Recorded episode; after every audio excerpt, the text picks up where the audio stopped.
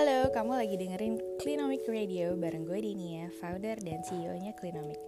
Clinomic adalah sebuah singkatan dari Clean Economy, startup yang mengkurasikan produk ramah lingkungan serta content destinations untuk mendukung gaya hidup minim karbon kamu dan pengembangan clean economy di Indonesia.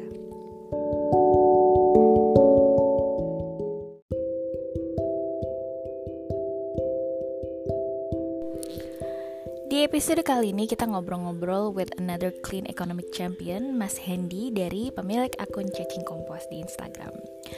Buat aku, kegiatan mengkompos itu udah jadi kegiatan sehari-hari banget ya selama 2 tahun terakhir. Karena ketika dari awal aku mulai belajar tentang zero waste dan usaha mengurangi sampah Aku sadar bahwa sampah yang paling banyak ada di rumahku tuh adalah sampah organik atau sampah sisa makanan. Nah setelah aku pelajari lebih lanjut metode mengkompos itu tuh ada macam-macam kan. Dan salah satunya adalah sih menggunakan cacing kompos ini atau yang namanya vermicompost caranya gimana? Ternyata mudah banget. Kita sebenarnya cuman perlu yang namanya warm bin atau kotak tempat si cacing-cacing itu.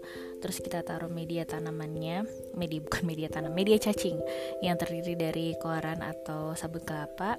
Terus kamu taruh cacingnya di situ dan masukin makanannya sisa makanan I mean. Dan tinggal tunggu cacingnya makan makanan sisa makanan tersebut dan nanti mereka akan menghasilkan apa yang namanya kompos So mudah banget kan sebenarnya. Yuk dengerin cerita pembudidaya cacing kompos ini Mas Hendy di episode Clinic Radio kali ini.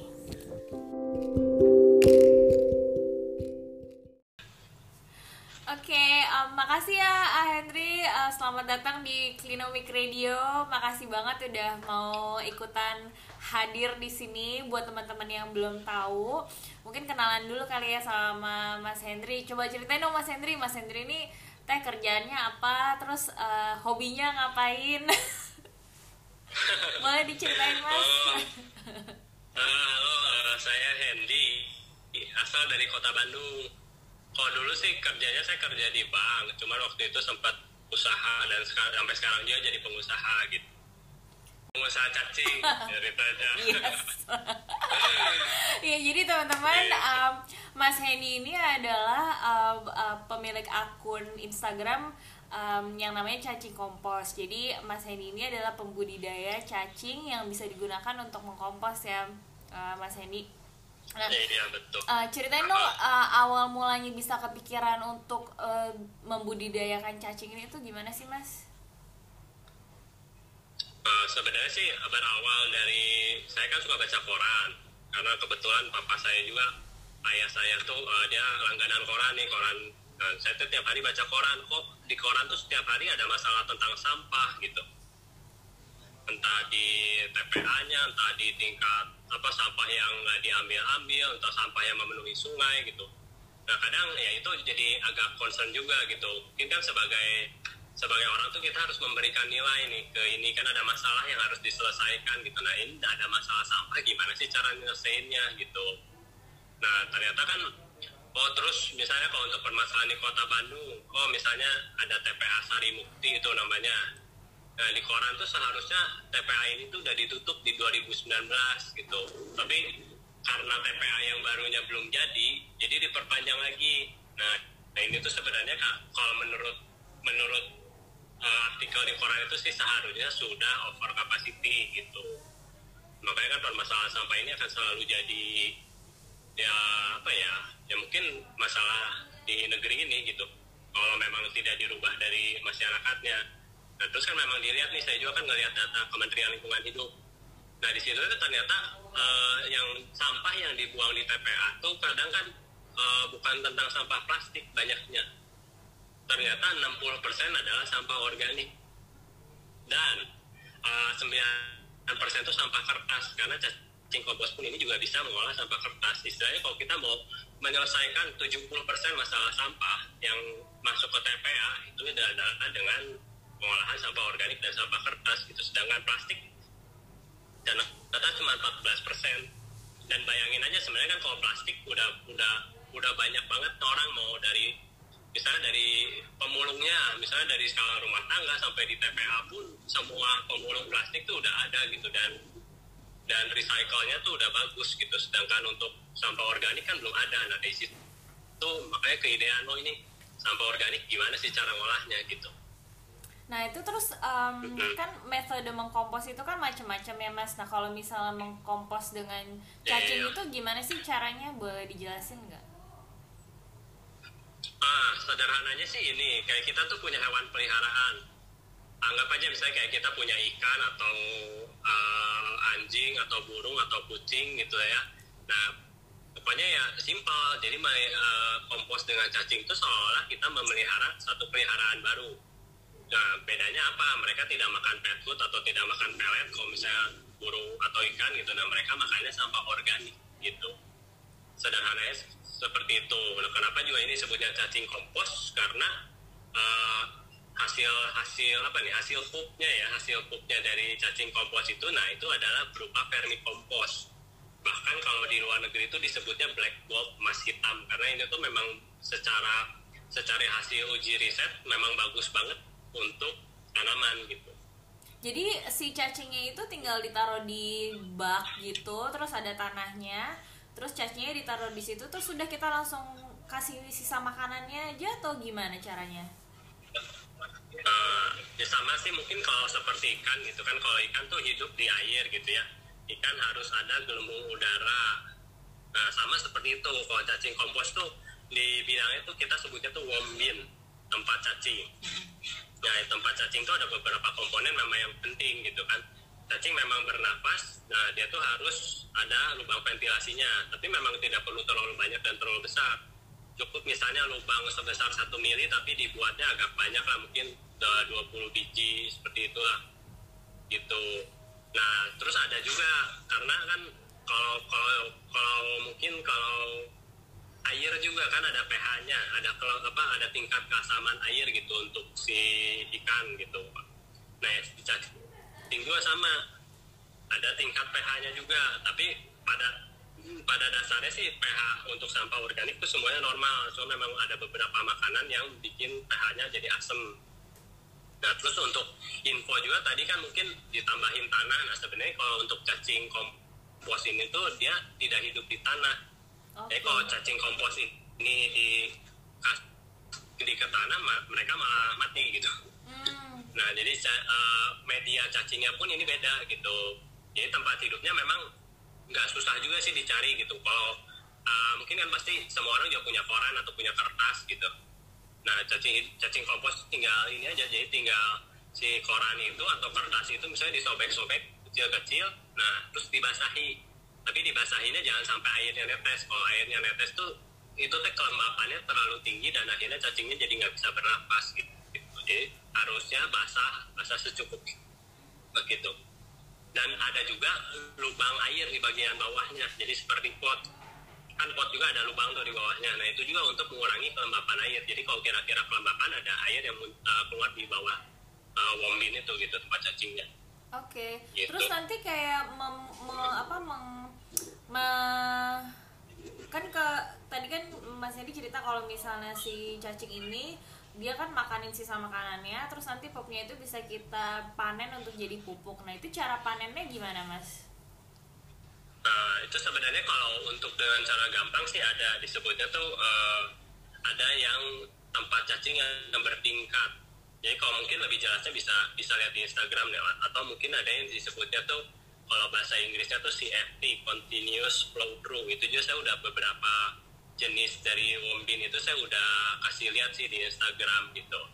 Nah jadi untuk untuk misalnya untuk yang bertingkat nih, jadi kita bikin bikin tempat cacingnya tuh so- kayak empat tingkat.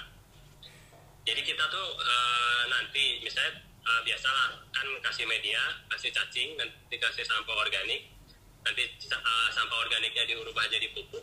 Nah nanti kita mulai mulai naikin nih, ada tingkat kedua setelah tingkat pertama penuh. Ketika tingkat kedua uh, di naik di ditaruh gitu, nah itu juga kan dikasih sampah organik. Nanti cacingnya akan pindah ke atas.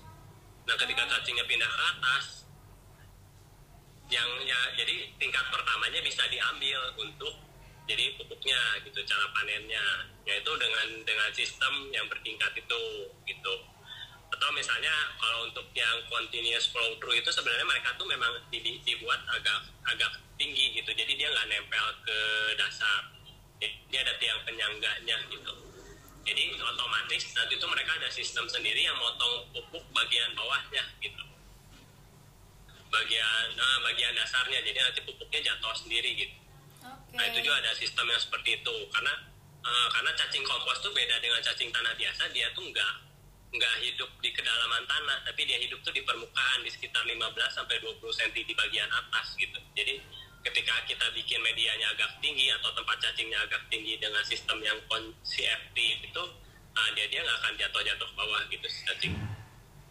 Nah ini kan um, gitu atau sebenarnya mungkin yang ma- oke sorry ah, sebenarnya kan metode composting itu kan ada macam-macam kan. Jadi kayak ada metode komposnya yang vermicompost ini terus kemudian ada misalnya lubang biopori terus ada yang anaerob aerob. Nah itu tuh kayak sebenarnya eh, ada perbedaannya nggak sih? Maksud selain dari teknik ada apa pro and cons atau yang eh, mana yang lebih baik dari mana? Atau misalnya ada keuntungan tersendiri nggak sih? Misalnya kalau kita menggunakan vermicompost dibanding metode kompos lain sebenarnya sih untuk perbedaannya udah jelas pasti ada gitu. Misalnya kalau untuk kompos eh, aerob nih yang termofolik tuh yang bisa biasa menghasilkan panas, nah itu tuh biasanya tuh proses komposnya 3 sampai 6 bulan. Nah ketika misalnya kan itu tuh udah cukup lama dan 3-6 bulan itu juga kan kompos yang seperti itu sih menghasilkan bau. Setelah itu ada ada empat komponen kompos juga lah kalau untuk di yang biasa-biasa entah itu entah kamu harus ngebulak balik itu kompos terus-terusan ya kan? Nah kalau kira-kira udah nggak panas tuh harus ditambahin lagi tuh eh, sampah sampah apa namanya sampah sampah sampah coklatnya. Nah itu kan repot gitu sebenarnya. Belum harus disemprot air juga kalau kira-kira kurang air karena bakteri yang kompos itu mereka hidupnya di tempat lembab gitu. Sedangkan kompos itu panas gitu pada biasanya kalau dengan lubang biopori ya sama sih karena itu mengandalkan mikroorganisme yang di dalam tanah gitu. tapi ya pada intinya eh, kalau ingin mudah makanya kan kadang-kadang kalau saya sih ngebilang cacing kompos ini adalah cara mengkompos paling mudah gitu karena ini seperti seperti buang sampah pada umumnya cuman kita buangnya ke tempat cacing gitu Terus Mas Hendy kalau misalnya nih di beberapa metode kompos lain kan ada beberapa barang nih yang sebaiknya nggak dimasukin ke tempat komposter. Nah kalau misalnya untuk em, si cacing kompos ini yang bisa kita masukin ke si composting bin ini apa aja sih? Eh, jadi jadi simpelnya gini jadi eh, ya semua sampah organik sampah sayur sampah buah itu boleh kecuali buah sitrus buah sitrus itu adalah jeruk jeruk nipis lemon pokoknya sejam se, sebangsa itulah. Karena apa? Karena itu tuh bisa mengubah pH tanah media si cacing itu menjadi lebih asam gitu.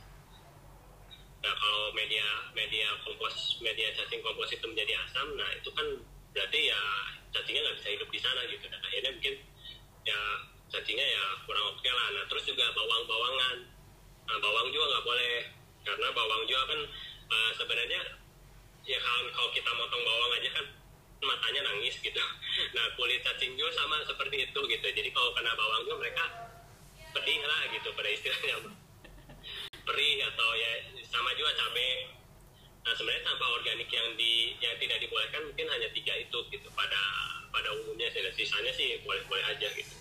Sebenarnya untuk jeruk jeruk kayak gitu pun juga kalau dalam jumlah yang wajar itu masih bisa. Kecuali jumlahnya udah sangat-sangat hampir semuanya gitu, hampir semuanya itu itu nggak bisa gitu. Jadi pantangannya cuma itu sih karena kita harus ngejaga cacingnya nih biar hidup terus gitu. Oke, jadi pantangannya itu jeruk, bawang, sama cabai-cabean ya. Terus em, satu lagi kan eh, si cacing kompos ini kan bisa dipesan online ya sama teman-teman kalau misalnya ada yang mulai tertarik nih untuk melakukan eh, composting dengan cara vermicompost ini. Nah, biasanya kan em, dan kalau misalnya kita pesan si cacing kompos ini itu kan dikirim kan eh, pakai eh, kurir gitu. Eh, itu bisa bertahan berapa lama ya? Misalnya kayak dan Mas Hendy kan domisili di Bandung nih. Em, kalau misalnya kirim-kirim cacing itu misalnya teman-teman yang tinggal di Sulawesi gitu atau tinggal di Aceh gitu itu kira-kira eh, siapa aja sih yang bisa pesan em, apa cacing kompos ini gitu? Perlu kira-kira maksimal tuh batas waktu pengiriman itu berapa lama sampai si cacing itu bisa datang dengan selamat ke rumah kita? Nah, sebenarnya sih uh, sebenarnya kan permasalahan kurir ini juga kan agak-agak tricky mungkin ya. Jadi uh, kan saya juga sebagai mungkin kan saya saya juga sebagai pebisnis juga kan nggak pengen gitu cacingnya mati di tengah jalan terus saya nggak dibayar juga sama customer kan jadi ya kalau saya sih menyarankan untuk lamanya pengiriman tuh di empat hari lah 4 sampai lima hari. Nah itu tuh masih oke okay, gitu. Jadi kalau misalnya dibilang nih uh, di Aceh atau di Sulawesi ya bisa gitu. Mungkin kalau di kotanya kota Banda Aceh karena kan kurir tuh ngirimnya pakai pesawat. Kalau mereka mendaratnya di situ dan misalnya kurirnya tuh tidak pergi lagi ke kabupatennya atau misalnya uh, 12 jam mungkin dari bandara kota Acehnya ya, kayak gitu-gitu. Nah itu yang agak mungkin riskan gitu ya untuk untuk pengiriman si cacingnya gitu. Pokoknya kira-kira mm, diperkirakan maksimal 4 hari pengiriman ya. Iya, jadi jangan sampai lebih lah. Kalau misalnya lebih ya mungkin memang ada resiko gitu. Dan itu kan tergantung handling dari si dari kurirnya juga ya. Kadang kan kita nggak bisa ngontrol kalau hmm. kurir tuh kayak gimana gitu. Entah dia. Satu pertanyaan lagi nih Mas Hendy, um, kira-kira tips hmm. tipsnya buat teman-teman yang mau memulai composting di rumah itu apa? Oh, tipsnya ya jelaskan tadi seperti yang tadi ya mungkin ya. Jadi namanya composting dengan cacing tuh kita harus menyiapkan dulu wombinnya tempat cacingnya. Jadi jangan cacingnya datang dulu terus baru dibikin gitu. Jadi pas pas cacingnya akan dikirim, uh, ya mau dikirimkan gitu udah keidean ya mungkin bisa dibikin dulu lah gitu untuk untuk tempat cacingnya sudah itu kan mungkin ya siapin medianya lah entah kertas koran atau misalnya kalau mungkin ya lebih lebih kalau memang di daerah sana ada sabut kelapa tuh atau misalnya kokopit itu dia boleh dipakai untuk media cacing jadi pada intinya media cacing ini tuh dia harus bisa menyimpan air gitu. Hmm. karena kalau tanah tuh dia nggak bisa nyimpan air.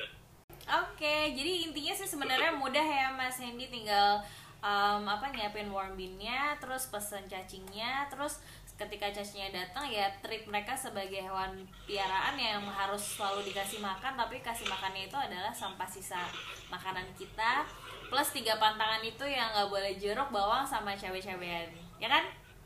Iya betul betul. Oke okay, thank you banget ya mas Hendy udah um, mau ditanya-tanyain ilmunya banyak banget hari ini aku tentang uh, si cacing kompos ini. Buat teman-teman yang mau pesen uh, produk cacing kompos ini bisa uh, lihat di Instagramnya Mas Hendy cacing kompos atau nanti juga uh, akan available di Klinomik. Ya, thank you.